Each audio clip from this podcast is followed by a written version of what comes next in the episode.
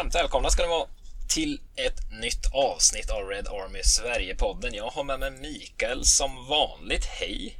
Hej! Känns Hej. som uh, jag är ständigt här. Aldrig missat avsnitt. Ja. Mr. Real... Jag är väldigt, ja, det... väldigt trovärdig här. Det är, det är starkt det. Nu vet jag inte varför jag sa att jag har med mig Mikael som att det är min talkshow av något slag. Ja men det är väl din. Du, du känns som vår Jerry ja. Seinfeld. Allt kretsar mm. kring dig. Ja, det vet jag inte om jag är bekväm men eh, det kan vi köra på. Eh, Adam är inte med oss idag heller. Han, eh, vad gör han? Ammar. Känns som han har en sån låtsas sån. ja men det, det känns definitivt så. Vi har ju börjat ja. snacka mer och mer skit om honom när han inte är med här. Han har inte nämnt någonting till oss här. Snart får man väl en block på alla sociala ja. medier. Och... Helt plötsligt man ska skriva något till Adam att du har blockerats av den här användaren. Ja, ja herregud. Men äh, ska inte vi sitta och prata för vi har ju faktiskt med oss en extern gäst för första gången för den här säsongen. Tidigare har ju Niklas och Melker varit med, men de tillhör ju Red Army Sverige. Men vi har med oss eh, Henrik Olsson. Varmt välkommen! Tjena, tjena! Tack ska ni ha! Tack ska ni ha! Det var på tiden man eh, blev inbjuden på detta. ja, exakt. Men eh, vill, du, vill du, du kan få presentera själv lite. Jag, jag skrev eh, min agenda, en frispråkig United-supporter på Twitter är du i alla fall. Sen kan du få presentera dig själv. Eh, ja, nej precis. Nej men det delar jag. Jag bryr mig inte så jävla mycket om vad folk tycker och tänker, vad jag skriver och... Men ja, Henrik Olsson. Eh, 30, vad är jag? 87 och då fyller man fan 34. Eh, fyller 34. Eh, bor i Borås. Jobbar som snickare, har alltid gjort. Eh, gillar att dricka öl, kolla fotboll, spela golf. Eh, har det gött, resa. Till Vad har du handikapp i golfen?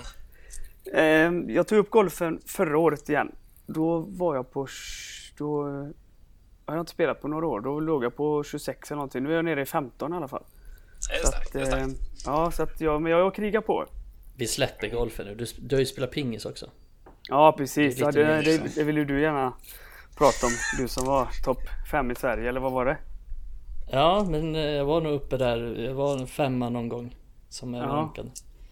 Men... I din ålderskull eller? Ja, min ålderskull. Jag, ja, jag tänkte säga, var du uppe och tävlade med Gio och Äpplet och dem? Eller? Nej, men jag var lite, lite yngre då så det var... Men han spelade samma 87 ungefär. Så ja, ja, men Gio känner man ju va. Men här, här nere om man säger i landet så såg man bara Krekulas efternamn uppe i topplistorna på GP-tävlingarna. Men då tänkte man bara så de här norrlänningarna, de kan ju inte spela. Han, han, han vinner ju allt där uppe. Det kan inte vara så svårt. nej, nej det, jag vann en hel del där, där uppe i Norrland, det måste jag säga. Det var lite tuffare i Sverige men... Men det tror man väl också va? Ja, ja. Nej, men du var grym, vad jag för mig i alla fall. Om jag, jag vet inte om jag sett dig spela så mycket, men på resultatlistorna var du högt upp. Mm, nej men det var ju... Det gick bra där ett tag, det gjorde det. Ja. sen hamnade annat emellan, som så ofta för. Ja, precis. Det, när bärsen kommer in så ligger man av med pingisen vet du, då är det bara fickpingisen gäller. ja men fan, det är, det är samma med fotboll. Helvete vad mycket sämre man blir så här när ölen väl börjar komma in. Ja, alla, alla, alla vi var talanger i fotboll, det är klart. Ja, det är klart. Ja, ja. Det, är, det är lite som, man måste vara Ronaldo för att för att bli bäst liksom så här, bli helt nykterist och Exakt. bara äta avokado istället för pizza. Gud, Men hur kul är det? Ja. Jag hade inte ens velat bli fotbollsproffs då. Nej. Jo, kanske. Han verkar ju så jävla trist också, Ronaldo. Ja, fruktansvärt tråkig faktiskt. Men, men så kan Oskön det vara. Men, överlag. Ja, men du Henke, jag, går man in på din eh, Twitter så eh, speciellt när jag kollade senaste matchen mot Southampton där. Du, du håller ju inte tillbaka med vad du, vad du tänker. Det var inte mycket positivt. Det kanske inte fanns att hämta från den matchen i och för sig. Men eh, är du en sån supporter som är lite pessimistisk och ja, uh, ser det negativa oftast? Ja, det, det, är, det är jag ju helt klart. Det kan jag inte säga något annat om. Men eh, jag försöker faktiskt bli eh, man får höra lite här hemifrån att jag är väldigt eh, negativ av mig när det gäller United och det, jag tror inte man är ensam där men jag försöker faktiskt tänka lite positivt eh, ibland. Men eh, efter förra matchen så fanns det inte mycket som du säger. Det var knappt något. Så att, ja, är... nej, jag är väldigt, ja, väldigt kritisk eh, mot United. Men har du alltid varit det också innan, eh, ja, vad ska man säga, innan Sir Alex la? För det var då eh, nedmonteringen började så att säga. Eh, var du kritisk redan när vi stod på toppen? Jo, det var jag nog faktiskt när jag tänker efter. För jag vet att jag har en polare, Manga, vi kollar alltid alla matcher och du vet, det är klart det såg inte alltid bra ut under Sir Alex heller men Nej. man var ju så van också att man alltid blev sämst trea. Så att, och vi, vi sa alltid liksom när vi vann en jävla skitmatch så var det bara en dag på jobbet och så skålade vi och så. Men vi var ju inte nöjda med spelet alltid såklart och det, så ska ju det vara. Alltså, vi var ju bortskämda såklart men... Nej men jag är väl... Det har jag något att jobba på men det, det är en fin sida att ha också kan jag tycka. Ja. Mm, men jag, jag kommer ihåg just med, med tiden med Ferguson att det kunde ju bli så här 4-0 hemma mot Bolton men folk var inte nöjda med det för att spelet inte såg så bra ut. Och jag kommer ihåg att jag själv också var kritisk många gånger för att det såg helt enkelt inte så bra ut alla gånger och, och vissa gånger blev det ju så här att det blev liksom 3-0 efter 3-0 i paus. Och så United var ju, speciellt under Ferguson, experter på att liksom bara spela av matchen. Och det är... Jag fattar ju varför han gjorde det och han gjorde ju helt rätt såklart men det var inte så jävla kul som supporter liksom att sitta där i andra halvlek och se Carrick och Scholes spela trianglar på mittfältet bara och ingen ambition av att anfalla. Nej precis, Nej, men så var ju det faktiskt och det är ju lätt eh, Jag tycker att det är väldigt lätt att eh, folk glömmer det här för att Ibland nu då, okej nu har vi 27 raka bortamatcher Utan förlust. Jag menar det är ju, även om det inte var publik, det är jävligt bra. Det måste vi säga. Det är riktigt bra. Mm. Men jag tycker faktiskt om man kollar tillbaka nu två, två säsonger så har vi blivit lite bättre på att ta de här skitvinsterna också. Mm. Eh, det, och det ser ju såklart inte alltid bra ut. Ehm, men eh, när man tänker efter lite så, så är det faktiskt så att ehm, de vinsterna, de, det är de som är de viktiga. Men jag tycker det är lite oroväckande, men som du sa Mikael, att, att man kunde vinna med 4-0 och ändå inte vara riktigt nöjd. Eh, det kan jag tycka har blivit lite tvärtom nu. Jag tänker på typ Leipzig-matchen förra året när vi vann stort, men vad blev det? 5-1 eller vad fan blev det? Minnet är ju inte bra alltså. 5-0 eller 5-1. 5-0 blev det. Ja, skitsamma. Kanske lite. Eh, det var ju länge sedan. Det ju iväg där så bra. i, i ja. Och då var det liksom guld och gröna skogar, men i ärlighetens namn, det, alltså Exakt. matchen återspeglas ju inte. Och det var lite som premiären mot Chelsea, ja det var väl två år sedan landade vi väl i. Det, det, är samma där, det vart ett fantastiskt resultat men det återspeglar inte matchbilden. Och det kan jag nästan tycka blir lite problematiskt eh, hos United av idag. Eh, och liksom dels i supporterkretsen men även det smittar väl ner sig på, på banan också kanske att så här, oh, vi vann med 3-0 mot det här bra laget. Nu är vi jättebra, men egentligen såg det inte särskilt bra ut och det Ja, det tror jag kan vara lite farligt. Nu måste Leeds förra helgen såg det väl ganska bra ut också. Men, men eh, i många andra matcher har vi fått sådana resultat, men det har inte sett kanon ut och sen går vi på någon plump därefter. Så jag vet inte. Eh, det är lite tvärt emot mot, eh, mot det du sa Mikael, att förr kunde man vinna med. Mm med 4-0 och ändå inte vara nöjd. Nu vinner vi med det och är kalasnöjda oavsett hur det sett ut. Så det, jag vet inte, kanske kravbilden som har sjunkit helt enkelt. Ja, men vi vet ju aldrig, vi vet ju aldrig vad vi får. Det är ju det, är det med United, alltså vi får ju den här den här 5-1-segern mot Leeds och sen kommer den här mot 15 liksom Vad är det för jävla insats? Det är ju bara skit rakt igenom. Och det är, det är två skilda världar med typ samma lag, samma trupp, liksom bara några dagars mellanrum. Och det är, det är därför United är så... Ja men United är helt obegripliga, det är svårt att få grepp om dem och man vet aldrig vilket lag som ställer upp till just den matchen. Blir det en 5-1 mot Leeds eller blir det den här 1-1 mot SA-15 där... Ja men nästan SA-15 var närmare vinsten egentligen och var bättre sista 20. Så det är, man vet aldrig vad man får riktigt. Men man lär sig inte heller. Så. Vi, vi, satt ju på, vi satt ju i podden förra veckan här och förkunnade att ja, men, det är klart att vi tar tre poäng mot Southampton, det ska inte gå. Men vi har ju sett där hundra gånger sista säsongen, den här sjuka ojämnheten. Alltså vi, ja, vi slår Leeds med 5-1 och sen går man och, och har svårt att få en pinne mot ett ruggigt svagt Southampton, det ska sägas också. Alltså, det, är ju, ja, ja, exakt. Det, är ju, det är ju en ruskigt svag start de har. Och ja. de är liksom, ja men över 90 minuter är det det hade inte varit helt orättvist om Southampton tar tre poäng. Alltså, jag, nej, som du är inne på, jag fattar inte hur, hur vi hamnat i den sjuka ojämnheten och vi verkar inte komma bort från det. Jag, jag vet inte. Nej, och det, jag hade ju ändå lite förväntat mig att okej, okay, det, blir no, det blir inte 5-1 liksom igen. Det tror jag ni också kände att det kommer inte bli 5-1. Ja, Men jag trodde nej, att United nej. skulle vinna ändå. Jag tänkte att ja men det Southampton kanske tar ledningen med 1-0 liksom och så vänder vi igen. Men nu, nu blev det inte riktigt så. Och det, det blir väl ett liksom, test den här säsongen om vi, om vi snackar just de här vändningarna som kom hela tiden förra säsongen. Men då var det ju ingen publik och nu är det ju publik igen och liksom fullsatt på de flesta arenor. Så då ska det bli intressant att se om de här vändningarna kommer nu. Eh, det vi har sett hittills, en match förvisso, så har ju inte vändningarna kommit riktigt. Nej, eh, men det är, när vi ändå är inne på SA-15 så, då, alltså då är ju det, det är ju såklart som alla sa när elvan kom ut. Vad gör Martial i elvan? Det, det är ju liksom, du tar bort, Ole tar bort Greenwood som var riktigt, riktigt bra mot Leeds som striker. Tar in en, en Martial som har varit, ja han var ju värdelös hela förra säsongen. Och så får man höra efter matchen att han vill spela in honom. Han har inte ett rätt. Och ändå så liksom byter han inte ut honom i halvtid. Han... Eh, Nej, alltså... Nej, Southampton-matchen är ju... Att, jag fattar inte vad han sysslar med den här matchen, Olle faktiskt. Det, Nej, jag precis. har liksom inte den lyxen att kunna... Vi har inte den lyxen att kunna spela in en Martial. Alltså, jag vet, jag var inne på det i förra avsnittet tror jag, att ja, för ett par år sedan när vi knappt hade några alternativ, då hade jag typ köpt det, för då måste vi få igång Martial.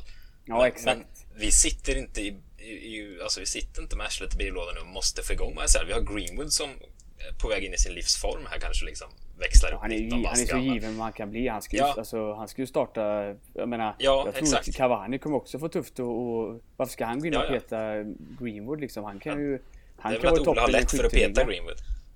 Det är väl det är väl det som är problemet, att Ole gärna petar Greenwood för han är lite enkel att peta. Ja, och han är lätt att byta ut också. Många matcher ja, han är inte värd att bytas ut så att... Eh, ja. Det, det, det, det, måste ju bli en ändring och det vet fan om det kommer bli. Men, men vi har ju så många andra offensiva som är igång. Liksom Bruno, Pogba såg liksom mot Leeds. Så Sancho, det är väl fan Sancho. Vadå få igång Martial?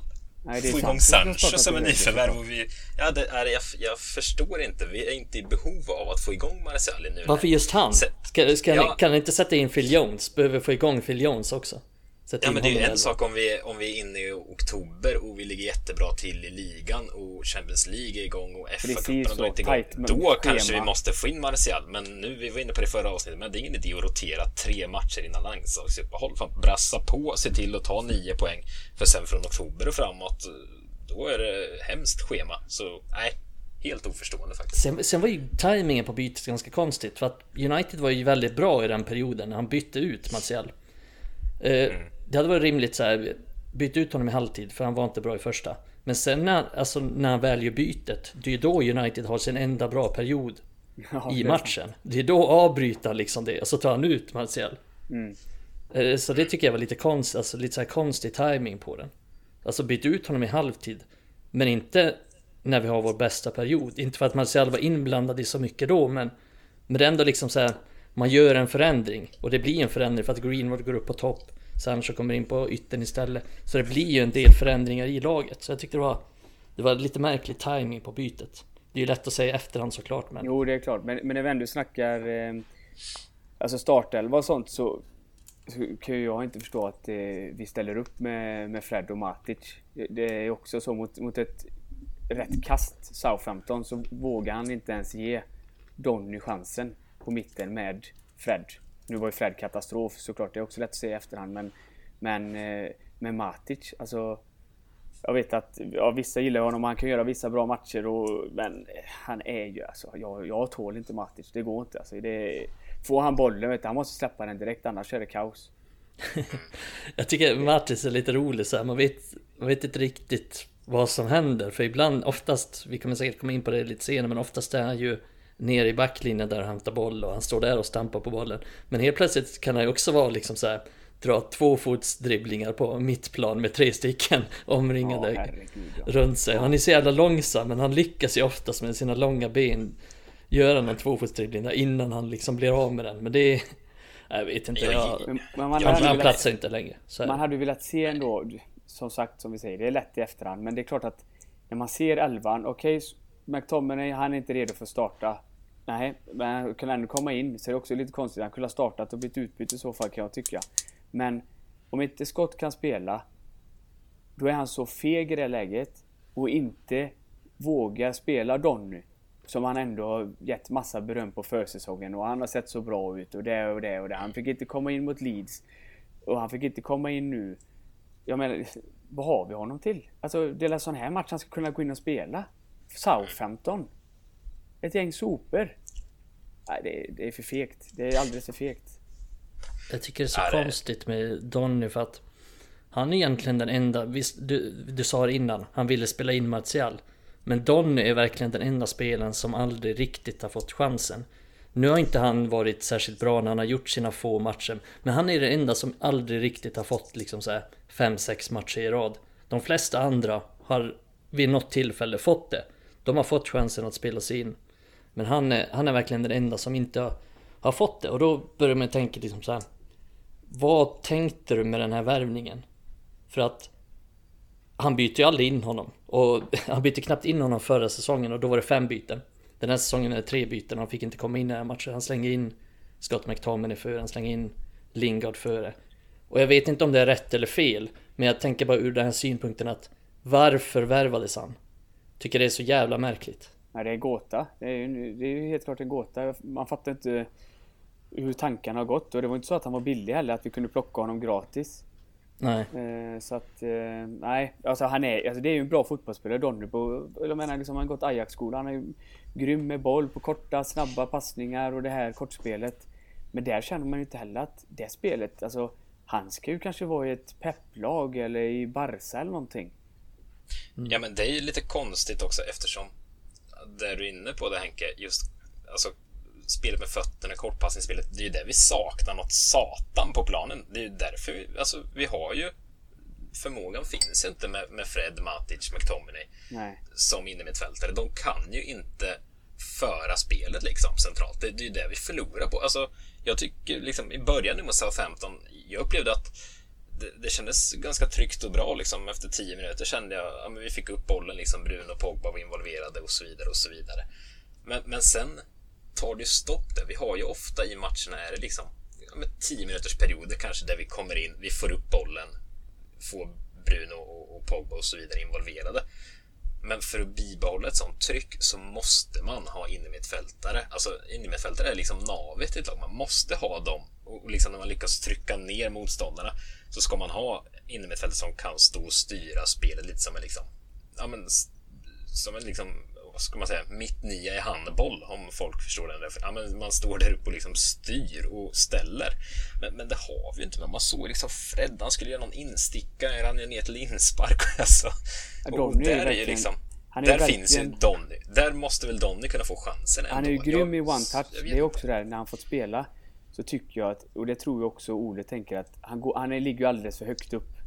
Det är ju det. Hade han, hade han bara hållit sig kanske lite längre ner när han spelat på innermittfältet så att han han, han vill ju hamna väldigt högt upp. Och där tappar vi såklart på mitten om han går för högt upp. Men han kan ju inte vara så trög så att han inte kan lyssna på instruktioner och säga att du kan, du kan inte gå så högt upp och bara släppa den andra mittfältaren helt själv. Jag menar så dum Nej. kan man ju inte vara. Då får man ju Men säga det, det till honom i så fall att du får hålla dig på mitten.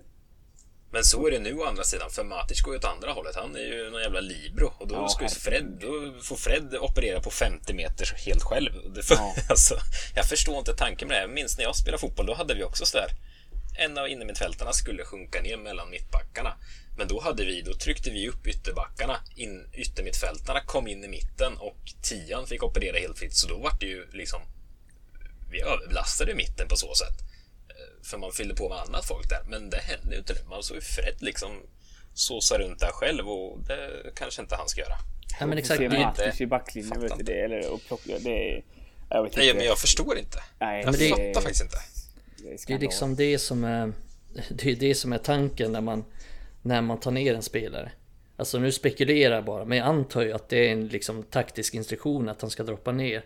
Ja, för klart. att precis som du säger Emil, som ni också gjorde. Det är ju för att i den här uppställningen för att man ska kunna trycka upp ytterbackarna och att sen yttrarna som ändå var liksom Pogba och Greenwood, de, de är inga klassiska yttrar utan de vill ju också Nej. komma in. Så att det är logiskt att, ja. att man gör så.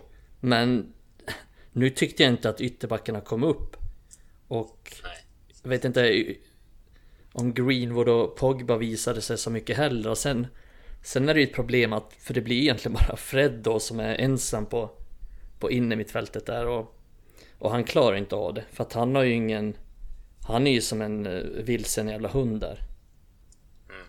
Så att han kan ju liksom inte styra det själv heller. Så nej men det, det är klart, innermittfältet det är, ett, det är ett jävligt stort problem. Men sen kan jag ju tycka att Ole ska kunna göra mer av det ändå. Liksom, han vet att han inte har de bästa innermittfältarna. Ja, då kan han ju dels kan han ju skippa och köpa en offensiv mittfältare i Donny van de Beek för 40 miljoner pund och lägga pengarna på en innermittfältare istället.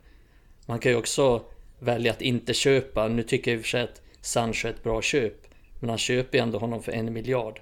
Så han har ju haft liksom, han har ju haft pengar och kunna köpa en innermittfältare om han vill. Men han har prioriterat annat. Eh, kanske inte bara han ska sägas utan de andra i staben helt enkelt. Jag vet inte vem som har tagit ja, men, de besluten. Men, alltså, men, det, men, det, är ju så det är. Det är fakta. Men jag vet, jag var inne på det redan i våras och fick mothugg. Jag vet, vi pratade om det internt i, Red Army-gruppen. Att jag sa det, det, det är skitsamma om vi värvar Sancho och ja, någon mittback. Då visste vi inte att det var varann kanske. Men jag, jag står för den idag. Det, det är två jättebra värvningar, men det är fullständigt skitsamma om vi inte plockar in någon innermittfältare som kan styra upp det. För alltså, det kommer se ut så här oavsett om Sancho kommer igång, oavsett om mm. vi får in varann och de offensiva spelarna presterar, så fortsätter på sin nivå. Det spelar ingen roll. Vi, vi vinner ingen ligatitel med, med Fred och McTominay och Matic som sittande. Två av de tre ska spela varje match alltså. Alternativet är att få ner Pogba, men då tappar vi hans egenskaper. Jag, jag tycker för... Jättefina värvningar, Sancho och Varann, men för mig är det helt obegripligt att prioritera att värva de två innan man plockar in någon innermittfältare. Det är helt sjukt tycker jag. Fergie vann ligan med Cleverley och Anderson. Ja, men det var, det var en annan gubbe. Vi snackar lite ja. annan klass där. Ja men det, men alltså det är det som jag tycker, nej, jag håller, nej men du har helt rätt i det Emil såklart. Det är ju innermittfältet som är den svaga punkten men jag tycker alltså det är så oroväckande överlag för att du nämner någonting bra där med Spelar ingen roll om vi har Sancho på planen det, vi gör sådana här matcher förra säsongen, vi gör sådana här matcher för två säsonger sedan, vi gör sådana här matcher den här säsongen också. Och det har inte spelat någon roll om vi har Bruno eller om vi har Sancho, utan de här matcherna kommer ändå.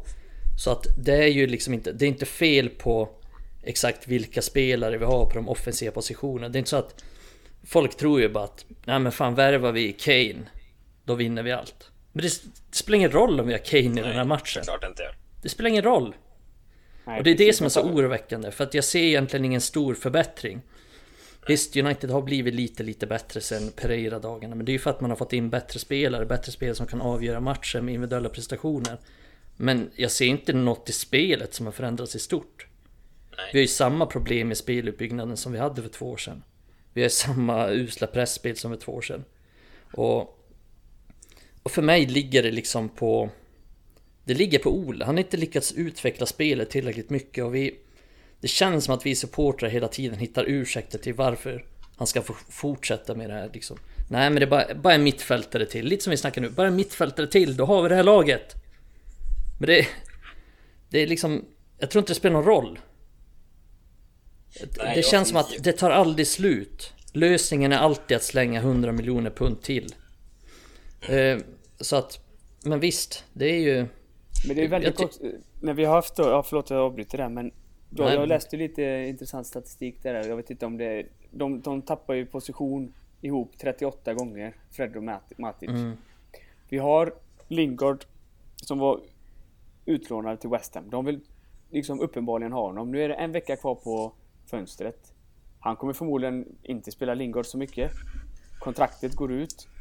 Declan Rice har ändå visat att han, han, han kan liksom, liksom, det är en bra ung mittfältare som klarar det mesta själv på ett mittfält. Såklart inte helt själv men hur, hur kommer det sig att man inte ens har försökt att liksom få in honom i en deal? Det är en vecka kvar på fönstret. Det här ska ju, han gjorde ju kaos i, i West Ham. Han var ju en av ligans bästa spelare. Redan, alltså det är då man ska börja förhandla. Liksom, mm. Vill ni ha honom får ni betala. Kanske så får vi betala lite emellan på Rice. Typ något sånt. Men det händer, det händer ju inte. Det, det, jag vet inte, om alla andra ser, problemet, eh, då är det klart att de ser problemet också. Men eh, det, jag tycker det, är, Ja men det, det, är jävligt konstigt för att, för att jag håller med om det och nu verkar det som att United begär för mycket av, alltså för, för, hög, för hög summa för Lingard. Men det är liksom Sänk den summan lite då. Får vi in så här, Det sägs att United vill ha 25 miljoner pund och det vill inte West Ham betala. Men sänk det till 15-20. Ja, mellan 15 och 20. Det är liksom, får vi, får vi, skulle vi få 15-20 för Lingard, ta det. Vi mm. behöver inte Lingard. Inget ja, ont om Lingard, men vi behöver inte honom. Nej, behöver vi James? Nej, vi behöver inte honom. Sälj honom för 15-20. Behöver vi liksom Martial? Eh, tveksamt alltså. Nej, det behöver vi inte heller. Kolla Martial, vad är han? Han är kanske tredje anfallare efter Mason och Cavani. Till vänster så går Sancho före, Rashford går före, Pogba går före. Till höger, mm. ja det kan ju inte nästan någon spela förutom Mason och Sancho förmodligen. Det har vi inte ja. sett ändå, men där kan ju inte Martial heller spela. Så att vi behöver, som du säger, vi behöver inte Martial. Casha mm. in på honom. Alltså, mm. casha in på spelare. Kolla nu till exempel bara vad Chelsea gör. De säljer Zappa Costa, den sopan, för 10 miljoner pund. De säljer unga spelare och det är ju såklart tråkigt för att de är väldigt duktiga, deras unga spelare som blir väldigt bra. Men de får in pengar och därför kan de värva Lukaku och gå plus, plus minus noll på honom. Nu säljer de Zuma för 30. Nu plockar de in Kunde för 70. Något sånt. Alltså de, de säljer ju dyrt. Vi, vi, när vi ska bli mm. våra spelare, ja vi lånar ut Pereira. Vi betalar hans lön. Och så, mm. så funkar det liksom. Vi, vi, får inte sålt. Jag hade ju väl kunnat sälja, jag vet att vissa gillar Williams men jag ser ingen framtid i Nej, Williams. Det kan vara bra med en utlåning, absolut, det håller jag med om. Men behöver vi, som de säger, vi behöver vi sälja spelare för att kunna köpa. Då måste vi casha in på spelare vi inte använder. Det är ju bara så, som inte har någon framtid. James är ju ett jättebra exempel som Det är nästan synd om honom faktiskt. Eh, för så mm. dålig är han ju. Mm. Ja men man måste ta liksom ett beslut där. Ja. Det är alltså, jag fattar att det skulle jag i en perfekt värld, ja men då skulle jag vilja ha Lingard i truppen kanske. Mm. Han är bra att ha som alternativ. Ja, men vi behöver inte honom. Och om det är så att vi inte kan köpa någon ny spelare om vi inte säljer någon. Ja, men då måste vi ju sälja honom. Jag fattar verkligen inte det. Men det är så mm. efterblivet också som du var inne på Mikael att, att om United nu begär 25 eh, och som du säger sänk till 15 då. Alltså spola tillbaka 8 månader. Vi hade ju hoppat av eh, alltså man hade ju skrattat rakt upp och ner om vi skulle säga att i augusti 2021 så kan vi sälja Lingard för 15.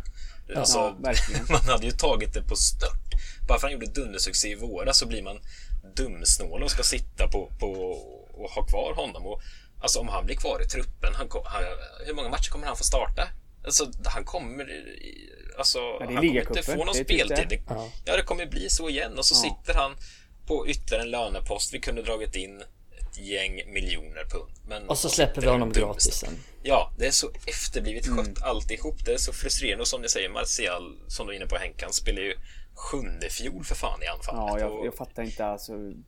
Och James, alltså jag gillar tror, verkligen Martial och ja, jag, men... En av mina bästa upplevelser på eh, live eh, avgjorde han mot Everton på Wembley i semifinal. Det är bland mina bästa resor någonsin och jag menar alla vet hur han gjorde när han kom i början och förra säsongen var han också riktigt bra men där man fick se, alltså han har ju inte huvudet att bita ihop. Han lipar sönder när Ibra tog hans nummer. Då är han borta ett halvår och bara lipar. Han, har ju, han, har inte, han är inte mentalt stark. Alltså, Det är ju ingenting att satsa på. Han, han levererar inte. Det ja, men sen är jag, helt, jag är helt övertygad. Alltså, det bor en jättebra spelare med Det är inte det det handlar om. Men, men han behöver en ny miljö. Han har varit här rätt länge ändå. Och det har varit ganska tuffa tider under hans Alltså, jag, tänk en sån som, som Zecco. Han hade ju kört fast fullständigt i Roma. Och sen nu gick han till, till Inter och han var alltså jättepigg och glad ut i, i den tröjan. Han har gått runt och sett som att han inte vill spela fotboll. Lite så kan jag se framför mig Martial också. Skulle han byta lag skulle göra dundersuccé. Ja, det tror jag med. Han kommer säkert göra jättebra lag, jag vet inte vad, men, mm. ja, men han behöver en nystart, liksom både för hans och för Uniteds skull. Och James, tror någon, vi har pratat om honom alldeles för mycket i den här podden, men tror ledningen att James kommer att utvecklas och bli en spelare när vi ska tillbaka och vinna ligatitlar. Vad, vad fan, vem försöker ni Alltså vem försöker ni lura? Ja men Ole tror ju det. Jag är helt ja, övertygad om att Ole ja, tycker att han är en viktig spelare. Men det är bara för att Ole älskar... Ole älskar liksom den defensiva... defensiv... Det är ju det vad han är egentligen. Han är inte ja, defensiv inte, ytter... Jo men han är inte bra på det heller. Han kämpar ju bra defensivt. Det är det han gör. Jo han kämpar men fan det är ju... Det har jag också gjort. Jo men det är lite det Williams gör med tycker jag. Williams har alltså egen produkt, visar ett jättestort hjärta. Alltså jag menar det, det är klart att supporter älskar det men jag tycker att en Williams med boll. Alltså, han är vilsen. Alltså, vi får se ja, här nu dumma i, i utan boll också. Han kanske, jag tror inte han gör någon succé direkt. Alltså, det, han drar på sig frisparkar och det är ju gult kort varenda match för att han inte hänger med. Och, han är bara 20 år. Det är klart att det är klart som fan att Williams kanske kan bli en okej okay Premier League-spelare. Men det är ju ingen... Alltså jag ser ju inte den talangen i honom som, som man kan... Som man liksom ska ha i framtiden. Eh, det gör jag inte. Sen, kanske vi kan sälja honom efter nästa säsong då men... Eh, ja men Williams ja, är ju vårt minsta problem egentligen. Jo, så är det absolut. Det är... Med tanke på mycket som liksom behöver fixas före. Ja, jag det... tänker bara typ att man kanske vill få in pengar för spelare som man inte behöver. Det, mm. Jag menar, vi har, Williams kan man ändå få en liten peng för. Jo, absolut. Sen är ju frågan liksom om han kan ta en truppplats till slut. Det är ju inte otänkbart. Eh, så att han kan vara en nyttig truppspelare framöver. Det får man ju se lite. Det här blir ju hans sista chans om vi ska snacka lite Williams. Eh, det blir ju hans liksom sista chans. Gör han dåligt ifrån sig nu i Norwich, typ inte får spela någonting, ja då har han nog ingen framtid i United. Men skulle han göra väldigt bra ifrån sig, då skulle han ju på sikt kunna bli en, liksom, en bra truppspelare i United med stort United-hjärta. Och det är det att, alltså när han kom fram då visade han ju liksom, då körde han ju på sin jävla inställning och allting gick vägen. Men sen någonstans längs vägen så har han ju tappat allt. Han har ju tappat allt självförtroende. Och, och liksom, det känns som att varje gång han går ut på planen så gör han allting fel. Ja, eh, men är inte dålig med bollen då? Alltså liksom själva mm. Behandlingen, alltså kämpaglöden och det här att han alltid kommer kriga och kasta sig in i alla situationer. Det är underbart att ha sådana spelare såklart. Men jag känner liksom när han har bollen, han är liksom, han är inte trygg med den och ja, Ska man vara världens bästa klubblag så vet det fan om man kommer ha Williams i, Men ja, det är som du säger, det är ju inget problem nu så sett men Jag tänker bara typ att man kanske behöver man få in pengar Så kan det vara en, en idé att sälja lite, alltså lite stolpskott. Mm. Jo, men det gör ju inte. Men det, det, har vi sett att United har problem med. Vi har många Jävligt många som skulle behöva säljas alltså.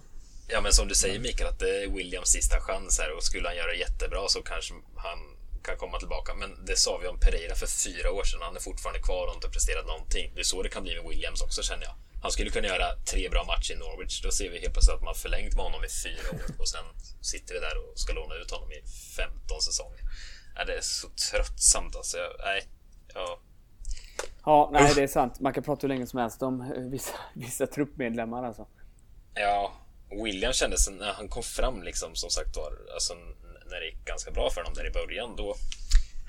Jag tänker att det är lite samma sak som eh, som ett lag, en nykomlingar en liga. Det går oftast över förväntningar i början för då lever man på ren jäkla vilja och entusiasm liksom. Men sen helt plötsligt vaknar man upp. Man pratar ofta om den tuffa andra säsongen och det gäller nog spelare också. Man landar någonstans. Man lever inte på den här entusiasmen inför varje match längre. Att det är nytt och coolt och man ska bevisa sig. Utan sen landar det. Man måste sjunka ner och liksom ja, prestera på riktigt. Liksom vara en del i, i, spelet och så vidare. Och då, ja, då sållas det ut lite och där har ju Williams inte landat precis som många nykomlingklubbar. Eh, tänker att det är lite ja, lite samma samma drag så. Men, Bajé ja. är ju faktiskt en annan vi hade kunnat casha in på.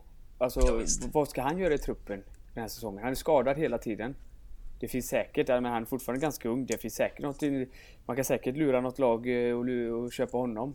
Han, är, han skulle vara såld. Martial skulle vara såld. Men då har vi inte ens pratat om målvaktspositionen. Alltså det är, hur mycket, det är mycket pengar vi kan få in där. Och då, då hade vi inte haft några problem att lägga pengar på en Rice till exempel. Eller Bissoma han är inte så dyr. Jag menar, det är nästan Lingard-pengar på Pissomar. Eller det kan vara ja, kanske 30-40 miljoner pund. Mm. Nu gör, nu gör du ju misstaget att tro att United är en välskött klubb. ja, det är sant. Men, men nu ryktas det ju faktiskt lite om lite mittfältare om vi ska komma in på det här då. Eh, vad var det? Det var ju Fabricio då, om hur mycket man ska tro på honom. Men det var la, etta på listan var la Kamavinga och så var det Saul och eh, eh, Ruben Neves va? Det var la de tre som var på listan. Så att eh, vi får se vad som händer den sista veckan. Mm, men ja. precis så, ja, jag skulle bli förvånad om något händer men man vet aldrig. Det, det, behövs ju verkligen få in någon gubbe som kan springa och sparka på en fotboll. Det, det är inte så mycket mer än så vi kräver. Men på tal om Bailly, han förlängde sitt kontrakt nyligen. Det är det ja, som är på tal om klubb. Vad var, när förlängde han? I april kanske? Ja, det var förlängde, sitt, förlängde sitt kontrakt i april. Sen bara helt plötsligt, ah, men nu köper vi varann. Så nu blir Bailly liksom poänglös. Men då har de ju förlängt med honom redan. Så bara okej. Okay. Liksom logiken ja, i det.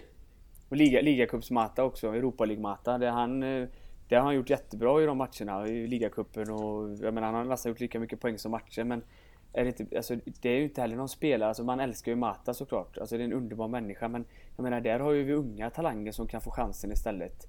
Istället för att han ska komma in eller starta. Jag menar en mm. sån som Hannibal eller hur duktig som helst och visat eh, vad han går för. Och, eh, Ska han spela på kant? Ja, det är Mata på högkant vill vi aldrig se. Men jag menar, då kan en Langa istället spela där. Ja, plus att du köpt Ahmad för stora pengar också. Ja, Ahmad, ja just liksom, Han sitter ju... Ja men... Ja men det är, det är konstigt för att... Han sitter ju liksom bara där. Han har ju slösat bort ett år av sin ja. karriär nu på att inte göra någonting egentligen. Så man vet ju inte liksom vad är tanken där. Det är lite så här. Nu är Ahmad ung och Ahmad har mer potential tycker jag än Daniel van der Beek. Men det är lite samma, samma situation där att liksom vad är tanken med det? För att nu sitter han bara där. Han spelar varken med U23, han spelar inte med A-laget liksom. Han bara är där. Och det är... Ja, jag, jag tycker det är märklig liksom hantering. Ni var inne på det för något avsnitt där med både Pelistri och Ahmad. Bägge kanske till höger och så var vi fortfarande ute efter Sancho. Som mm. du säger, varför plockar man in de här två? Eh, plockar vi in dem för bara att kunna sälja dem? Ahmad såklart. Nu var det kanske inte 40 direkt, det kanske var 20 miljoner euro. Men det är ändå riktigt mycket pengar för en 18-åring. Alltså mm. då, du måste ju ha en... Ska han vara utlånad, då ska han vara utlånad redan nu. Alltså från Jag måste ha en plan. Mm. Ja, det finns ingen plan. Alltså, måste ju... Nej, det känns inte så. Ja, men som du säger, han har gått ett år nu nästan. I, I den åldern där han ska få så mycket träning och speltid som det bara går. Uh, är det helt obegripligt. Där. Uh, nej, jag tänker, vi tar en liten paus va gubbar, så fortsätter vi snart. Ja.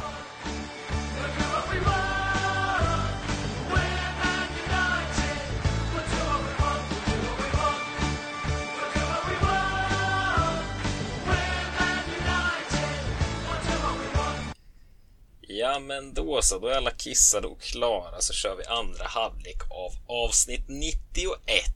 Jag är så jävla nöjd Mikael att jag har eh, lärt mig vilka avsnitt det är. Jag har alltid haft problem med det, men nu känner jag mig trygg utan att kolla upp att det är avsnitt 91. Ja, men jag känner fan också.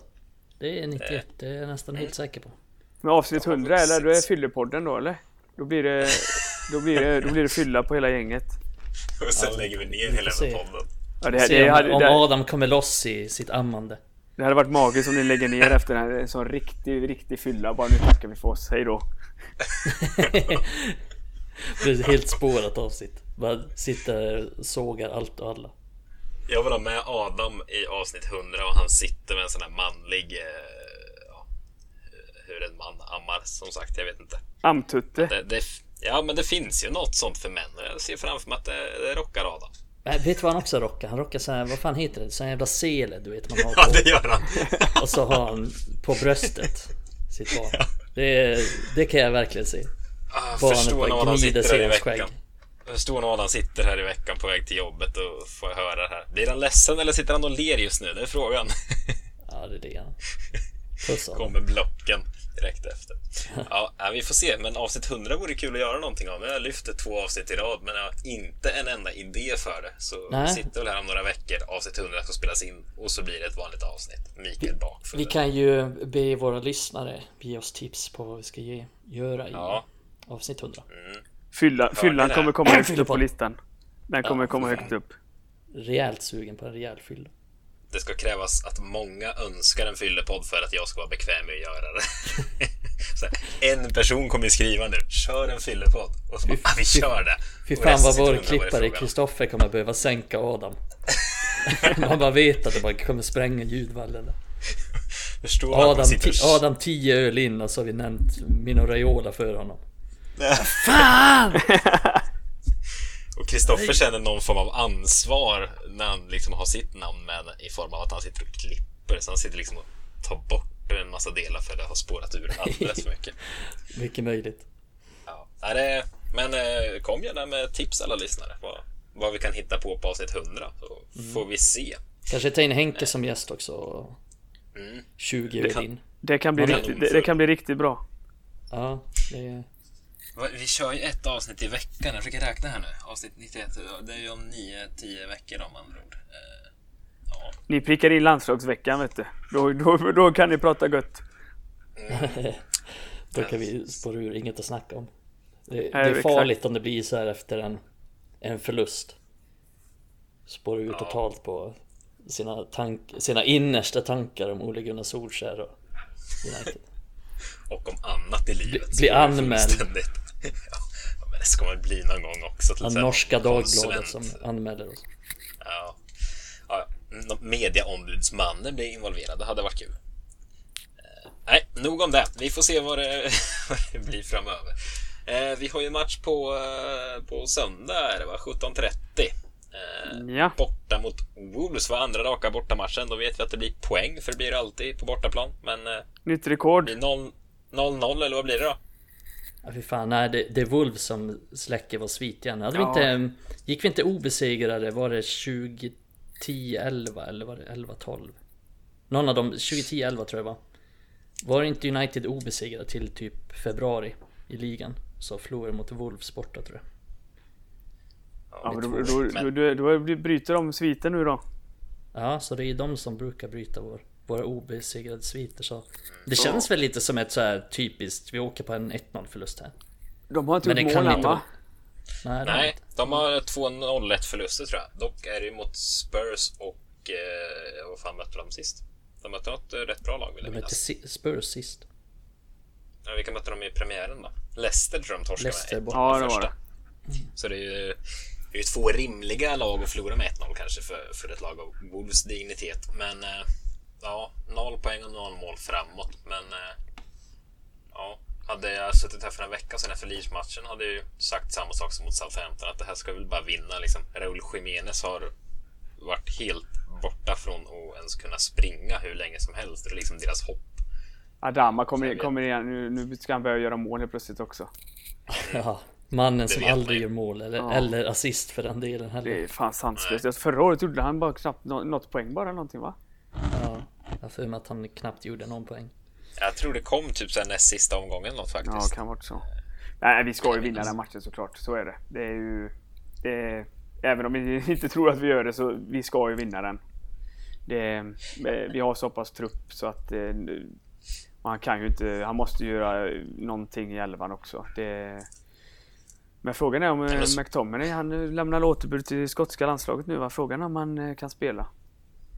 Ja men det känns väl som att, alltså, min magkänsla säger väl att han kan spela men, men mycket riktigt han verkar ha lämnat återbud till, till landslaget i alla fall. Så, men talar ja, inte... Han hoppar ju in senast så fan. Ja. Men talar inte lite för också med tanke på insatsen mot Southampton. Det kan väl omöjligt komma en så trött och blek insats igen. Visst om man inte lyckas lyckas med det man tar sig för. Men de, vi var inne på alltså, det fanns ingen glöd hos spelarna. Det måste man väl ändå lyckas koppla på nu mot Wolves. Man kan inte göra ytterligare en sån liksom, trött insats Nej. om du förstår vad jag menar. Nej, det kan inte. Det, det får inte hända. Och så liksom, är det vinst där så är det sju poäng på tre matcher och sen är det Newcastle hemma efter uppehållet. Så att jag menar, det, det är klart att vi har ju inlett dåligt många säsonger under Fergie. Nu nämner vi honom igen, men och och ändå vunnit om man säger så. Nu är inte vi favoriter på något sätt att vinna ligan men vi ska ju vara där uppe och det är klart att efter en sån här insats mot Southampton det är klart att man blir helt Ja det förstör ju så jävla mycket. Man tappar ju tron precis på allting men men vi ska ju kunna, vi, vi, vi, vi kommer höja oss. Det gör vi. Det, det finns fan inget annat. Det kan inte vara så jävla dåligt igen. Nej, men, jag tror jag, inte heller det. Jag tror inte varann. Jag tror faktiskt att, nu gissar jag rätt vilt, men jag tror varann hade kommit in om vi hade varit i ledning mot Southampton så tror jag faktiskt varann hade fått göra debut mot Southampton. Jag tror att det var Oles lite mm. en plan. Så skulle vi gå ner på trebackslinjen eller någonting och försöka stänga igen. Så att det tror jag, leder vi mot Wolves så tror jag faktiskt Varann får göra sin debut. Jag tror inte, han, han kommer inte starta i alla fall. Jag tror inte. Du tror inte det? Nej, jag tror inte. Vem ska han, ska han peta Vigge då? Ja. Ja, det är i så fall Vigge, men ja, han har ju ändå sett rätt bra ut.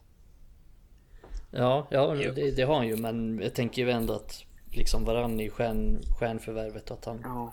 Att, ja, fan, ja, hur länge kan han ha honom på bänken liksom? Det är ingen social han, verksamhet. Nej det är ju det inte men jag tror inte han slänger in honom från start innan uppehållet så jag tror att han vill helst mm. ja, som sagt ge honom kanske om vi leder med en halvtimme kvar så kanske han kan eh, få en halvtimme. Mm. Eh, ja, men, men det, är, det är möjligt. Men ja. Sancho kommer definitivt starta. Det måste ja, han Ja, det måste han ja, göra. Det... det vore märkligt annars. Jag får vi se om Cavano kan vara med i truppen i alla fall. Ja. Vi var inne på det förra avsnittet, diskuterade vi det Mikael också, just varann-situationen. Och mm. jag var inne på lite samma som du Henke, att jag tror inte jag tror inte vi får se honom innan uppehållet. Det liksom kommer ett lagom uppehåll där han då har tränat ordentligt i ett par veckor och, och, och så vidare. Och då liksom ett uppehåll, då kan han slänga in honom igen. Det så här, ja. Så lär han spela med Frankrike också såklart, för att få lite matcher där. Ja, ja exakt. Men det vore lite så här varför skulle man slänga in honom nu kan man väl inte säga såklart när det är ett stjärnförvärv till mittback, men ändå. Liksom, det är fortfarande ändå lite så här, Jag vet inte. Det finns inte jätte, jättemycket anledning till att slänga in honom nu mot Wolves. Nej, även om han såklart är en bättre spelare kanske än Lindelöf liksom, i grund och botten. Men liksom inne i det nu, hur hade det sett ut om man slänger in Varan och så funkar det inte alls Varan Maguire och så sitter man där. Nej, jag vet inte. Jag tror inte vi får se honom från. En anledning kan ju faktiskt vara att eh, Vigge mot eh, Jiménez, kan, där får han det tufft såklart i duellerna. Mm, eh, om han söker sig till honom. Det, där, där kan vara en anledning att slänga mm. in honom kanske. Mm. Ja. ja. vi får se. Men som sagt, Sancho lär ju starta. Hade varit märkligt annars. Sen blir det spännande att se innermittfältet som ni var inne och touchade på där. Om McTominay ens kan spela. I så fall ska man spela han kan väl inte sätta ut Fred och Matic igen? Oavsett det, det om McTominay är borta det... så kan det, det kan inte ske. Men vilka, vilka spelar inte. annars då? Säg att McTominay inte kan spela. Drar han ner Pogba då? Ja, Eller kanske. låter han Donny spela där? Eller vad? Jag, jag vet fan inte. Donny lär ju inte få starta i alla fall. Nej, det Nej. kan jag inte se. Nej, men då är det ju... Han drar ner Pogba kanske? Ja, då är det Pogba enda alternativet där egentligen. Ja. Jävla sjukt ändå liksom. Så här, Pogba som du sa Emil innan. Han varit vår bästa spelare egentligen och mest kreativa. Fem assist på de två första matcherna. Eh, sinnessjukt bra. Kan han ja. verkligen ta ner honom då? Ja, jag, jag, jag tror han får fortsätta i sin fria roll alltså. Jag tror det. Ja, då, då, det, det, det hoppas man ju på. Det, ja. Men tror du han, Henke tror du han startar med Fred och Matic igen i så fall? Om McTominay inte kan? Eller vem, ja, alltså vem det, spelar? Det sjuka är att han det gör nog fan med det. Om, om inte McTominay kan spela så får vi nog se de soporna ihop. Ja men vi har, inte, vi har inte så mycket äh, alternativ Nej. egentligen. Nej, det är det som är så sjukt med. Ändå värre. Jag förstår fan inte. Men det sjuka är om man drar ner Pogba också i en av två sittande roller, säg han och Fred där då. Då, då ska vi ju trycka in, visst Sancho kan vi trycka in där då istället. Eh, Bruno såklart, Greenwood. Ska Martial få spela igen då från start? Eller kommer han skeppa in James? Eller vad? Då ska, ska I så fall ska Martial spela vänster, för det tycker jag... Eh, jag vill inte se han starta såklart, men och Cavani är nog inte redo för start. Då blir det Mason ska spela nia, helt klart. Sancho höger, Martial vänster, mm. eller, eller tvärtom. Men... Eh, ja, det blir det så i så fall. Om man, om man plockar ner Pogba så blir det så. Ja. Ja, men jag tror att alltså... Just till den här matchen mot Wolves, nu har jag inte sett, jag har inte sett dem faktiskt den här säsongen. De har ju ny tränare också så att det är ju det är möjligt att de liksom ändrar spelstil och inte spelar likadant som de gjorde under eh, Nuno. Men eh, det Wolves jag känner igen, de, de är inte särskilt så här, tempostarka och sådär utan de ligger ganska lågt, spelar ganska försiktigt. Det är liksom inte så här, Det är inget högt tempo på mittfältet. De har ju liksom Motinho och Neves där som är rätt... De är rätt temposvaga ändå de gillar att hålla i bollen och ta det lite lugnt och då tänker jag ändå att Matic inte är ett katastrofval. Men mot SA-15 så tycker jag att Matic är ett rätt dåligt val eftersom de är väldigt tempostarka och pressar ganska högt oftast och spelar med högt tempo och liksom så här få bolltouch. Men mot Wolves så tror jag att Matic kan funka bättre så att jag blir inte förvånad om han startar igen och Ole sa ju faktiskt efter matchen, sen vet man inte hur, hur mycket han menar egentligen men han sa ju efter matchen att ja men Matic var suverän.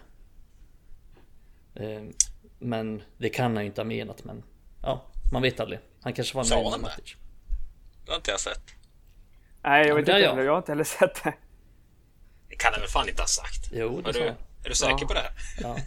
Eller var, du, var det på fyllan du läste detta? Ja.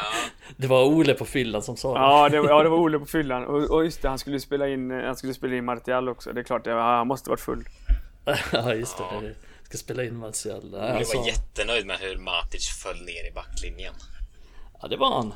Nej men han och... Det är ju så att han och Fred passar inte särskilt bra ihop. Jag kan knappt minnas en enda bra match de har gjort tillsammans. Däremot har ju liksom vi har snackat om det tidigare i podden att Matic och Pogba tillsammans har ändå funkat hyfsat bra. Speciellt mot lag där vi förväntas dominera. Lag som sjunker tillbaka, vilket Wolves har gjort tidigare. Ja, så det. Ja. Det finns det lite att mixtra med. Ja, det är ett alternativ, men det finns ja. liksom så här. Det känns jävligt oklart. Man hade velat ha... Nu börjar jag längta tillbaks till liksom så här Fred McTominay.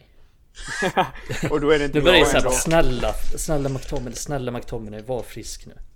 Det känns ändå som att Okej, okay, de är inte bäst i världen men de är Det blir ganska stabilt i alla fall med de två Ja, det, kan ja, det är det bästa vi har. nu mot, Det är det. Mot Wolves nu så slog det mig eh, en uppställning. Vi pratat, pratade om tidigare och det har ju nämnts mycket på sociala medier.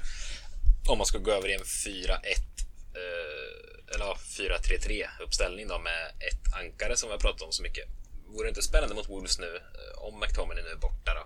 Kör Matic i den rollen van de Beek och Bruno framför Pogba till vänster. För då har vi ändå tre gubbar som kommer komma in centralt och operera och hjälpa Matic ändå i alla de tre. Eh, och sen har man Greenwood och Sancho. Det hade varit en lite spännande uppställning, tycker jag. Men eh, ja, det kanske är Kommer inte ske. Nej, kanske lite för mycket FM över det också. Att ja. alla de tre Donny, Bruno och Pogba, det kanske blir att ingen tar något form av ansvar igen. Nej, det, det kan, bli, det kan bli tunt på mitten där alltså. Ja, det är väl risken. Man tänker att alla tre kan dela, dela på ansvaret, men... Sen har ju Donny en relation med Oles dotter. Det... Ja, det, det lutar mot det. Ja. Har du någon, Något sånt har någon källa på det? Nej, det är inte mer källa än att Zaha hade ihop det med Mojs dotter och Wilfred Zaha fick inte spela något. Nej, det är, det är samma situation här. Jag vet inte ens om Solskjaer har en dotter, jag tror inte ens han har det. Men något Visst, jävla lurt är det. Är, det är en jävla gåta det där. Men vi ska inte fastna i det. Jag tror jag berättade för länge sedan i podden i början när jag var här. Så du har säkert hört det Mikael och några lyssnare kanske minst också. Men på tal om att, att ligga med tränarens dotter. Min, en gammal polare som jag inte ska nämna vid namn. Men... Berättar du det i sändning? Jag vet inte. Nu gör jag det. Ja, gör det. Men han lirade eh, fotboll då i någon gärdsgårdsserie så följde han med en eh, tjej hem efter krogen så att säga. Och visst, hon bodde fortfarande hemma. De var väl såhär 19-20 års ålder då tror jag. Eh, hon var något år yngre tror jag. Men så följde han med henne hem. Eh, de gjorde sitt, han sov över och sen skulle han knata hem morgonen på och förstår när han passerar vardagsrummet där att där låg hans fotbollstränare i soffan och kollade på Nyhetsmorgon. han blev kapten istället. Till, ja, han hade ingen aning om det, så han vände på klacken in i rummet igen tror jag. Sen eh, skickade han eh, något till mig så jag fick komma och hämta honom. Han var mycket skärrad i alla fall, men eh, han lyckades på något sätt ta sig ut utan att farsan där upptäckte honom. Men det kröp fram i, det kröp fram i efterhand så att säga. Ja, så han, han såg aldrig honom? Alltså farsan nej, såg aldrig honom? Nej, jag kommer inte ihåg hur det var. Det här var ju ett par år sedan nu. Om det var att han då liksom tog någon nap eller något i soffan där en söndag morgon eller något sånt så han liksom pep förbi där. Jag vet inte riktigt. Jag minns inte exakt, men det kom ju fram i efterhand. Men liten chock för dem när han insåg att här var, här var tränaren jag var hemma hos. Det var ju spännande. Den här polaren är du alltså? Absolut inte. Nej, det är det faktiskt inte. Nu lät jag nu lät det på min ton som att det kunde varit jag. Det var inte jag. Eh, hur hamnar vi här? Vad, har vi något mer att säga om Wolves tänkte jag säga. Alltså jag är lite inne, inte just matchen som sådan, men vi har varit inne på spelschema tidigare. Vi har ju ett väldigt gynnsamt spelschema här nu i början. Nu tappade vi poäng mot, mot Southampton. Eh, skulle vi tappa poäng nu mot Wolves också, då, då tycker jag det börjar bli lite läskigt för från typ omgång 6 eller vad det är. Alltså när vi kommer in i oktober där är det ju fruktansvärt tufft schema. Om vi då har gått på ett par plumpar så är det liksom, ja men säg om vi ligger på femte, sjätte plats när vi kommer in i oktober. Då är det trubbel alltså, för vi kommer inte ta liksom fem raka treor där när vi möter Chelsea, Liverpool City i rad där typ. Det, ja, nej, det, det går åt att städa av ett par motståndare i rad nu, tycker jag. Ja, men det, ja, det behöver vi. Ja, jag tror grejen också är att förra säsongen då kunde man släcka lite liksom City var ju usla de 6, 7, 8 första omgångarna och förlorade massor och tappade poäng. Men de kunde ändå vinna ligan ganska enkelt. Och jämför med liksom poängskörden City vann med och poängskörden United kom tvåa med kanske framförallt. Så var ju den mycket lägre än det har varit de säsongerna innan. Så att jag misstänker att den här säsongen Liverpool är bättre, Chelsea är bättre än förra säsongen. City är väl ungefär lika bra kanske. Jag misstänker att det kommer krävas mer poäng för att vara uppe i toppen och då kanske vi inte har råd att tappa så mycket poäng faktiskt. För säg att vi skulle kryssa eller förlora mot Wolves, det är väl i princip de poängen som City och Liverpool tappade när de var som bäst. Det var ju liksom Liverpool och City, de förlorade väl kanske en, två matcher på hela säsongen då. Och spelade inte många oavgjorda heller så att det var ju liksom 100 poängsgränsen de tog sig, tog sig till och nu tror jag väl kanske inte att de når 100 poäng men alltså det kommer krävas mycket mer poäng tror jag. Ja det tror jag också. Det kommer krävas mer, helt klart. Det, det är man nästan helt säker på. Ja, nej, det blir eh, fan spännande att se men nej, jag vet inte. Alltså, det vänder så snabbt när man håller på United de senaste åren. Det är så tröttsamt.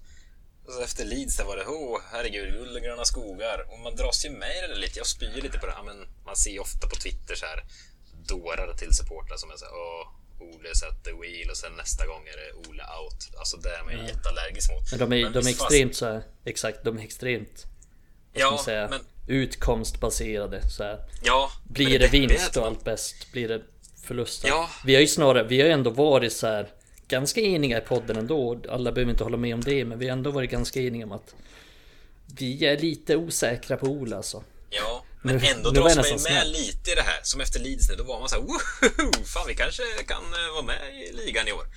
Så man, man blir lite själv, sen sitter ner så här som när vi liksom, när man lugnar ner sig med låg puls och pratar podd, då lugnar man sig lite och kommer till insikt att ah, nej, vi må ha slagit Leeds stort, men vi kommer ändå inte vinna ligan. Men alltså, jag känner, jag vet inte, jag har dragits med lite i det där att eh, nu är det guld och gröna skogar och det ser så lysande ut och Ole har koll på det här eh, någonstans och sen går man ner i källaren igen och sen upp. Jag vet inte. Men jag, jag tycker, på det där alltså. Micke tycker jag skrev en jävla bra tweet här eh, häromdagen. Du skrev typ i, i princip att Solskär är absolut ingen sopa men men han, han är inte tillräckligt hänsynslös eller någonting skrev du va?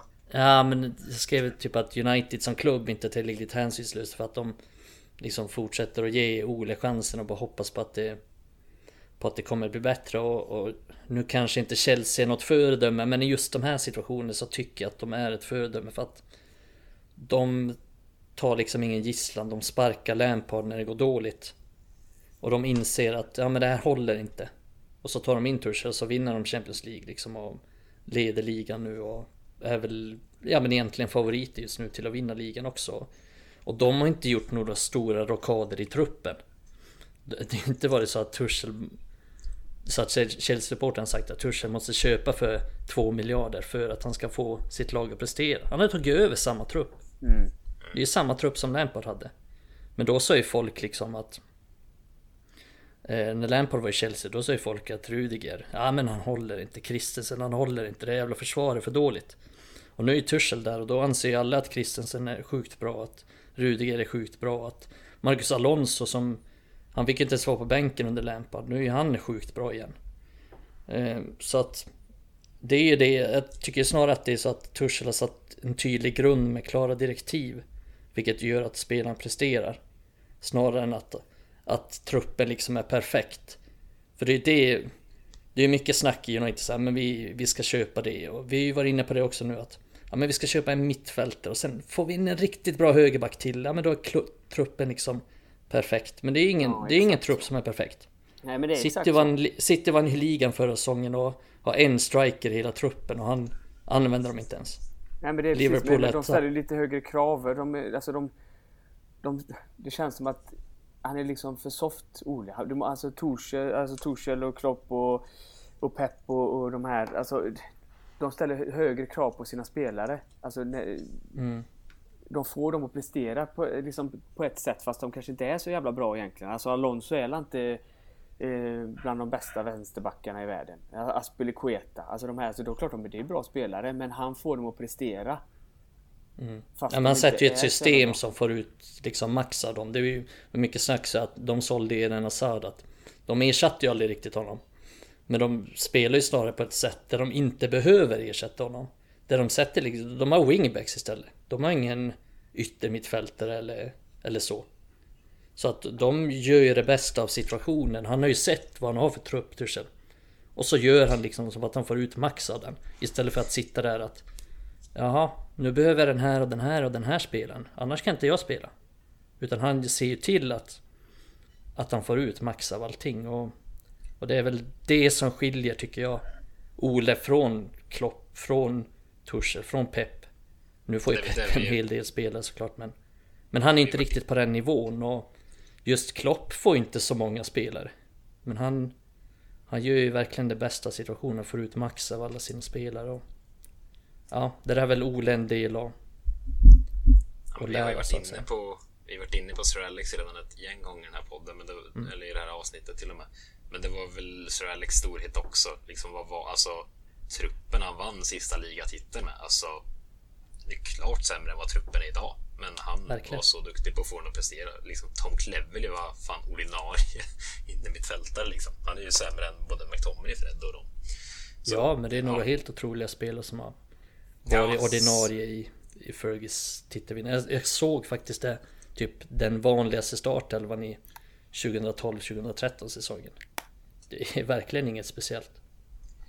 Nej, eh, så han, det är väl... Han, han, nej men Ferguson är ett bra exempel på det och Ingen kommer ju bli som Ferguson så det är ingen idé att vi försöker jämföra för att han är unik. Han är Nej, det är lite taskigt att jämföra med honom faktiskt. Ja, det är ja såklart. Liksom... såklart. Men... men Tuchel och Klopp och de som du är inne på, de har ju ändå en förmåga att få ut max. Liksom, ja, men Klopp är ju ett väldigt bra exempel faktiskt. Alltså, mm. Spelare för spelare i Liverpool senaste säsongerna. Eller, det är klart det är bra spelare, men liksom Firmino, man ser inte honom... Nu har han kanske blivit petad i och för sig, men man ser inte honom gå in som liksom startspelare i någon av topp 15-20 klubbar i Europa. Alltså, lika in i mittfältet. All, alltså, varenda position nästan. Det är inte så här, wow, ja, de har många spelare. Hål. Ja, de har många hål i truppen. Ja, de, ja. Eh, de har tunn trupp också. Fram. Och... Ja. ja det, så är det. Det är märkligt, det finns att jobba på, men eh, det blir spännande. Wolves till helgen. Eh, bara sitta och knipa skinkorna och hoppas på tre poäng, annars Annars är det kämpigt igen, skulle jag säga. Vi, vi krigar in tre där. Ja, det finns fan inget annat. Vi får väl se om eh, Henke uppskattas av lyssnarna och du får dyka upp någon mer gång framöver. Det är nog inte omöjligt. Nej, vi får se vad de tycker. Det ska bli intressant. Ja. Det är Vad skönt om de är en skåning den här veckan. Det var ju så positivt avsnitt. Ja, exakt.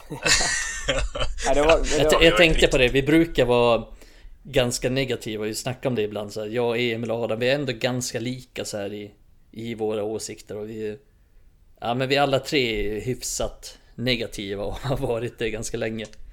Vi försöker vara positiva ibland men vi är ändå det. Och så börjar jag tänka nu när du skulle vara med Henke. Jag känner ju till dig väl och så här, eller år på Twitter och sådär. Så jag tänkte, vad fan, det kommer inte bli mer positivt nu heller. Men vad fan, United förtjänar inte den här positiva efter den här insatsen. Nej, Eh, exakt så faktiskt. De förstörde hela veckan för fan. Ja, för det var inte bara att han... Jag ska bara säga en sista sak innan vi släpper ja. den där jävla skitmatchen. Men, men det är inte bara så att liksom spelet såg dåligt ut och sådär. Utan det var ju också att spelarna såg jävligt slöa ut och visade ingen riktig glöd. Och... Så mm. ja, de förtjänar nog inte några hyllningar heller. Kan vi inte scouta upp någon positiv norrman som älskar Ole Gunnar? Det, det borde ju finnas att sitta ja, med det finns många. Det hade varit episkt. Ja. ja. Men då, då, får ju du vara tolk. Du tar in valfri norrman från Twitter vet du, så då har ni ett positivt avsnitt. Ja, jag tänker det. Det hade varit... Eh, ja, det ja fina guttarna. Ja. ja, kan bli avsnitt 100. Det är dejligt, det är dejligt. Kämpegrej podd. Men Nej, jag vet inte, eh, börjar vi bli klara eller har jag tänkte kolla lite jag vet inte, ni har haft uppe det här, men det här med målvaktsfrågan hade jag uppe på Twitter idag. Som jag tycker är helt, helt, helt sjukt att vi sitter med fyra Vi sitter med fyra seniormålvakter. Mm. Vad är tanken där? Det är inte heller någon tanke riktigt. Men Lee Grant är en god gubbe. tanken ja, Lee Grant, är. Klart han ska ha nytt kontrakt. Han är Lee Grant, han ska vara kvar. Absolut. Han ska bli målvaktstränare och grejer. Och han är... Mike Phelan måste ha någon att dricka whisky med. Ja, ja. På han ska vara kvar. Men då, då, får man ju liksom tänka så här. Hur tänker vi med de andra tre då? Det är ju... Ja, det är... ja, men man sitter på tre målvakter som skulle kliva in och vara första målvakt i de flesta lag, i alla fall majoriteten av lagen i Premier League. Och, ja, men det, jag vet, det är konstigt. Det, ja, nej. På enorma ja. löneposter dessutom. Ja, exakt. Jag menar, de känner typ bäst i ligan, eh, Henderson och de Gea, målvakt. Ja, bland de bättre mm. målvakts... Ja, men absolut, ja. gör de. Men det är väl, jag vet inte, det känns inte som att han har tagit något riktigt beslut där, vem man vill använda. Nej, och det, det, det, det jag tror inte det är bra i längden och, och liksom Okej, okay, Henderson fick stå lite förra året. Han gjorde bort sig. Sen kom de Gea in och sen så var det de Gea som skulle stå. Sen, jag, jag tror inte på det att ha så målvakter och eh, variera. Det, det, är inte min grej alltså. Och då så har vi också plockat in Hiton som är en bra målvakt. Han kan, mm. alltså jag menar, ni hade uppe det i en annan podd. Han kan, lika, han kan peta dem om det är så. Så att vi har ju tre målvakter som mm. kan stå. Och det, det tror inte jag är bra i längden alltså. Det... Nej, men det var ju skumt. Det var ju, när, när man plockade in Hitan här i somras så kände man så här. Ja, jätte, jättebra värvning. Kommer kunna vara andra målvakt här i tre, fyra år till eh, på ålderns höst. Liksom. Man vet vad man får av honom. Kan vara med och, och ja, men en trygg gubbe säkert att ha på träningsplanen. Men så sitter vi här en och en halv månad senare eller vad det är och, och både de Gea och Henderson är kvar. Det, jag förstår inte. Eller nej. Nej, det, det är konstigt. Ja, det är Men man vet ju nej. själv så här, Nu har inte jag spelat på någon hög nivå och spelat division 3 liksom. Men pingis du spelar på hög nivå. ja. där, där kan du. Ja det kan jag, men fan inte fotboll. Vi byter till pingispodden, där kan vi pingis, diskutera. Krekula. Ja, det men, men om vi snackar så här, när jag, jag spelade i ytterback och då spelade jag i division 3 och då hade vi ett tag där hade vi två målvakter som var jävligt bra, alltså två av absolut seriens bästa målvakter. Och då körde vi, alltså då roterade vi målvakterna. Men det tyckte aldrig att det funkade bra för att man kände en jävligt stor osäkerhet. För att de var, de var helt olika de målvakterna. En av dem var väldigt offensiv, så här, kom ut på mycket och liksom var väldigt bra med fötterna och gick gärna ut långt och liksom som en libero. Medan den andra var helt tvärt emot. Liksom riktigt bra på linjen. Stod oftast kvar på linjen så att man kände hela tiden en osäkerhet där. Vem liksom man fick alltid tänka till liksom så här, Kommer han komma ut nu eller kommer han inte komma ut nu? Och just så är det med, med de Gea och Henderson också. För Henderson är ju helt olik de Gea. Henderson kommer ju ut på mycket, är liksom offensivare och mer av en libero medan de Gea står fastklistrad i målet liksom.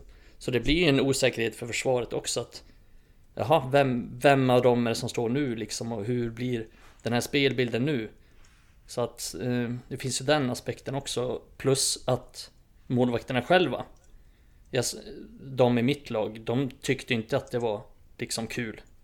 På något sätt. Ingen av dem gillade ju det. Eh, och ingen av dem blev liksom bättre av det heller. Utan det blir ju en osäkerhet för dem också. Jag tror att en målvaktsposition är en sån position där ja, man behöver känna förtroendet och man behöver få en trygghet, man behöver få en kontinuitet.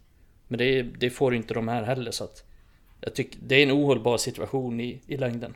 Ja, det, det, det, kommer, det kommer inte hända någonting de här dagarna. Så att vi kommer ju... Nej, det kommer inte. Nej, så vi kommer ju ha dessa målvakter fram till ja, minst januarifönstret öppna. Så att eh, mm. jag, jag, tror inte på det. Och då, liksom, de kommunicerar ju också på olika sätt. Så att det mm. blir ju precis som du säger, för backlinjen blir ju det, man vet inte riktigt till slut kanske vad som kommer hända och vem som står och nej. Det, nej, det ska bli intressant att följa men det är i alla fall konstigt skött. Helt klart. Ännu en sak som är konstigt skött. Ja, en av många saker. Nej men Gary Neville sa också det att eh, Han sa ju det också att man vill inte, man vill inte ha liksom en rotation på målvakterna. Man vill veta, man vill ha och det är lite samma med, med mittbackar så här. Man vill inte ha någon stor rotation där utan det ska vara ganska enhetligt. Det ska vara ganska tryggt med vem, vem som är där och så. Speciellt tänker jag nu också när man ska spela in varann här nu också. Uh, nu vet jag inte, jag har inte jättemycket, men det man hörde i intervju, det lät inte som hans engelska var helt jäkla prickfri. Det tänker jag också blir en, en detalj. Nu vet jag inte, det. han kanske har bra engelska. Bara att, han är fransman, han har garanterat nej, den är, inte bra. Den nej, kan nej, inte men, vara bra. Nej, men det tänker jag är en aspekt också. Om det då ska både vara de Gia och sen ska Henderson in med sin brittiska. Och, alltså, det är ju också en aspekt att man vill ha tryggheten. Ja, för det kommer säkert vara ett hinder för varann liksom, till att prestera 100%. Han kanske bara presterar 95% för, för språkförbristningar gör rätt mycket i ett mittförsvar. Och då har han olika målvakter bakom sig eventuellt också. Nej, jag vet inte. Se nu hittar vi något negativt här också om varann. Mm. Nu, ja men det är bra. Nu letar vi. Nu är vi rätt ute. nu letar vi. Hittar vi något mer ja. negativt nu? Men varann? Ja men med United överlag. Ja, jag, tycker Varann är lite för kobent för att se ut som ja, han, han är ju fotbollsspelare. Han har något så in i Norden, det, det litar inte jag på ute, så det kommer inte bli bra. Nej, det, han kan inte springa. Vet du. Han snubblat. ja. Sjukt långsam. Ja, herregud. Nej, vi får, uh, vi får sätta stopp där innan vi hittar negativt i precis allting. Det var någon som var mycket upprörd, eller mycket upprörd, men uh, fick till oss att uh, vi ens tog i munnen att kritisera Bruno i förra avsnittet. Så vi hittar något negativt där också. Men det, ja, det var ju mest du. Ni, ni, ställer krav i den här podden. Det är precis det, är precis det vi behöver i, ja. United. Ja. ja. Det är vi som ska ta över här. Vi ska styra den. Det hade ju... Vi hade ja, ingen bort oss eller? Ja, det är fan... På träningsfältet har det varit lite kämpigt, men plocka in eh, någon gammal eh, lirare där som kan hålla i träningarna. Ja men, vi, ja, men vi hade inte, alltså bara som sportchefer, vi hade inte köpt Donny van de Beek. Vi hade ju prioriterat en ja. defensiv mittfältare. Så redan där hade vi gjort ja, det bättre. Ja, ja, det är klart. Sen jag hade varit usel vid förhandlingsbordet, men det tror jag... Ja, fy fan vad överkörd du hade blivit. Stark. Jag kan se Adam mot Mina Raiola. Vi får gå emellan så att det inte blir ja. slagsmål där. Jag är konflikträdd vill bara att alla ska må bra, så jag hade sagt Mr Raiola, yes, no problem, we, we, we fix this for you. Yes, Mr Raiola. Yes, I bend backwards for you. Nej, nu äh, sätter jag stopp för det innan vi blir för långa. Nu kommer ingen våga lyssna på avsnittet. Vi... Uh... Mr Raiola. I bend backwards for you. Positivt är att ingen, eh, när de sätter på avsnittet, vet de inte negativa vi kommer vara i avsnittet. Så det, det vet de först nu när de hör det här som eh, sista avslutningsord. Tack snälla Henke för du eh, ville gästa oss. Det var mycket trevligt. Så får vi som sagt se om vi om du dyker upp igen i podden. Det märker vi. Ni ska ha stort tack att jag fick vara med. Det var väldigt roligt. Ja, men visst vet du. Mikael, vi hörs väl eh, säkert nästa vecka i podden igen. Ja, det gör vi säkert. Mr 100% Mikael Krekula. Ja, fantastiskt. Hörrni, ha det gott så hörs vi nästa vecka allihopa.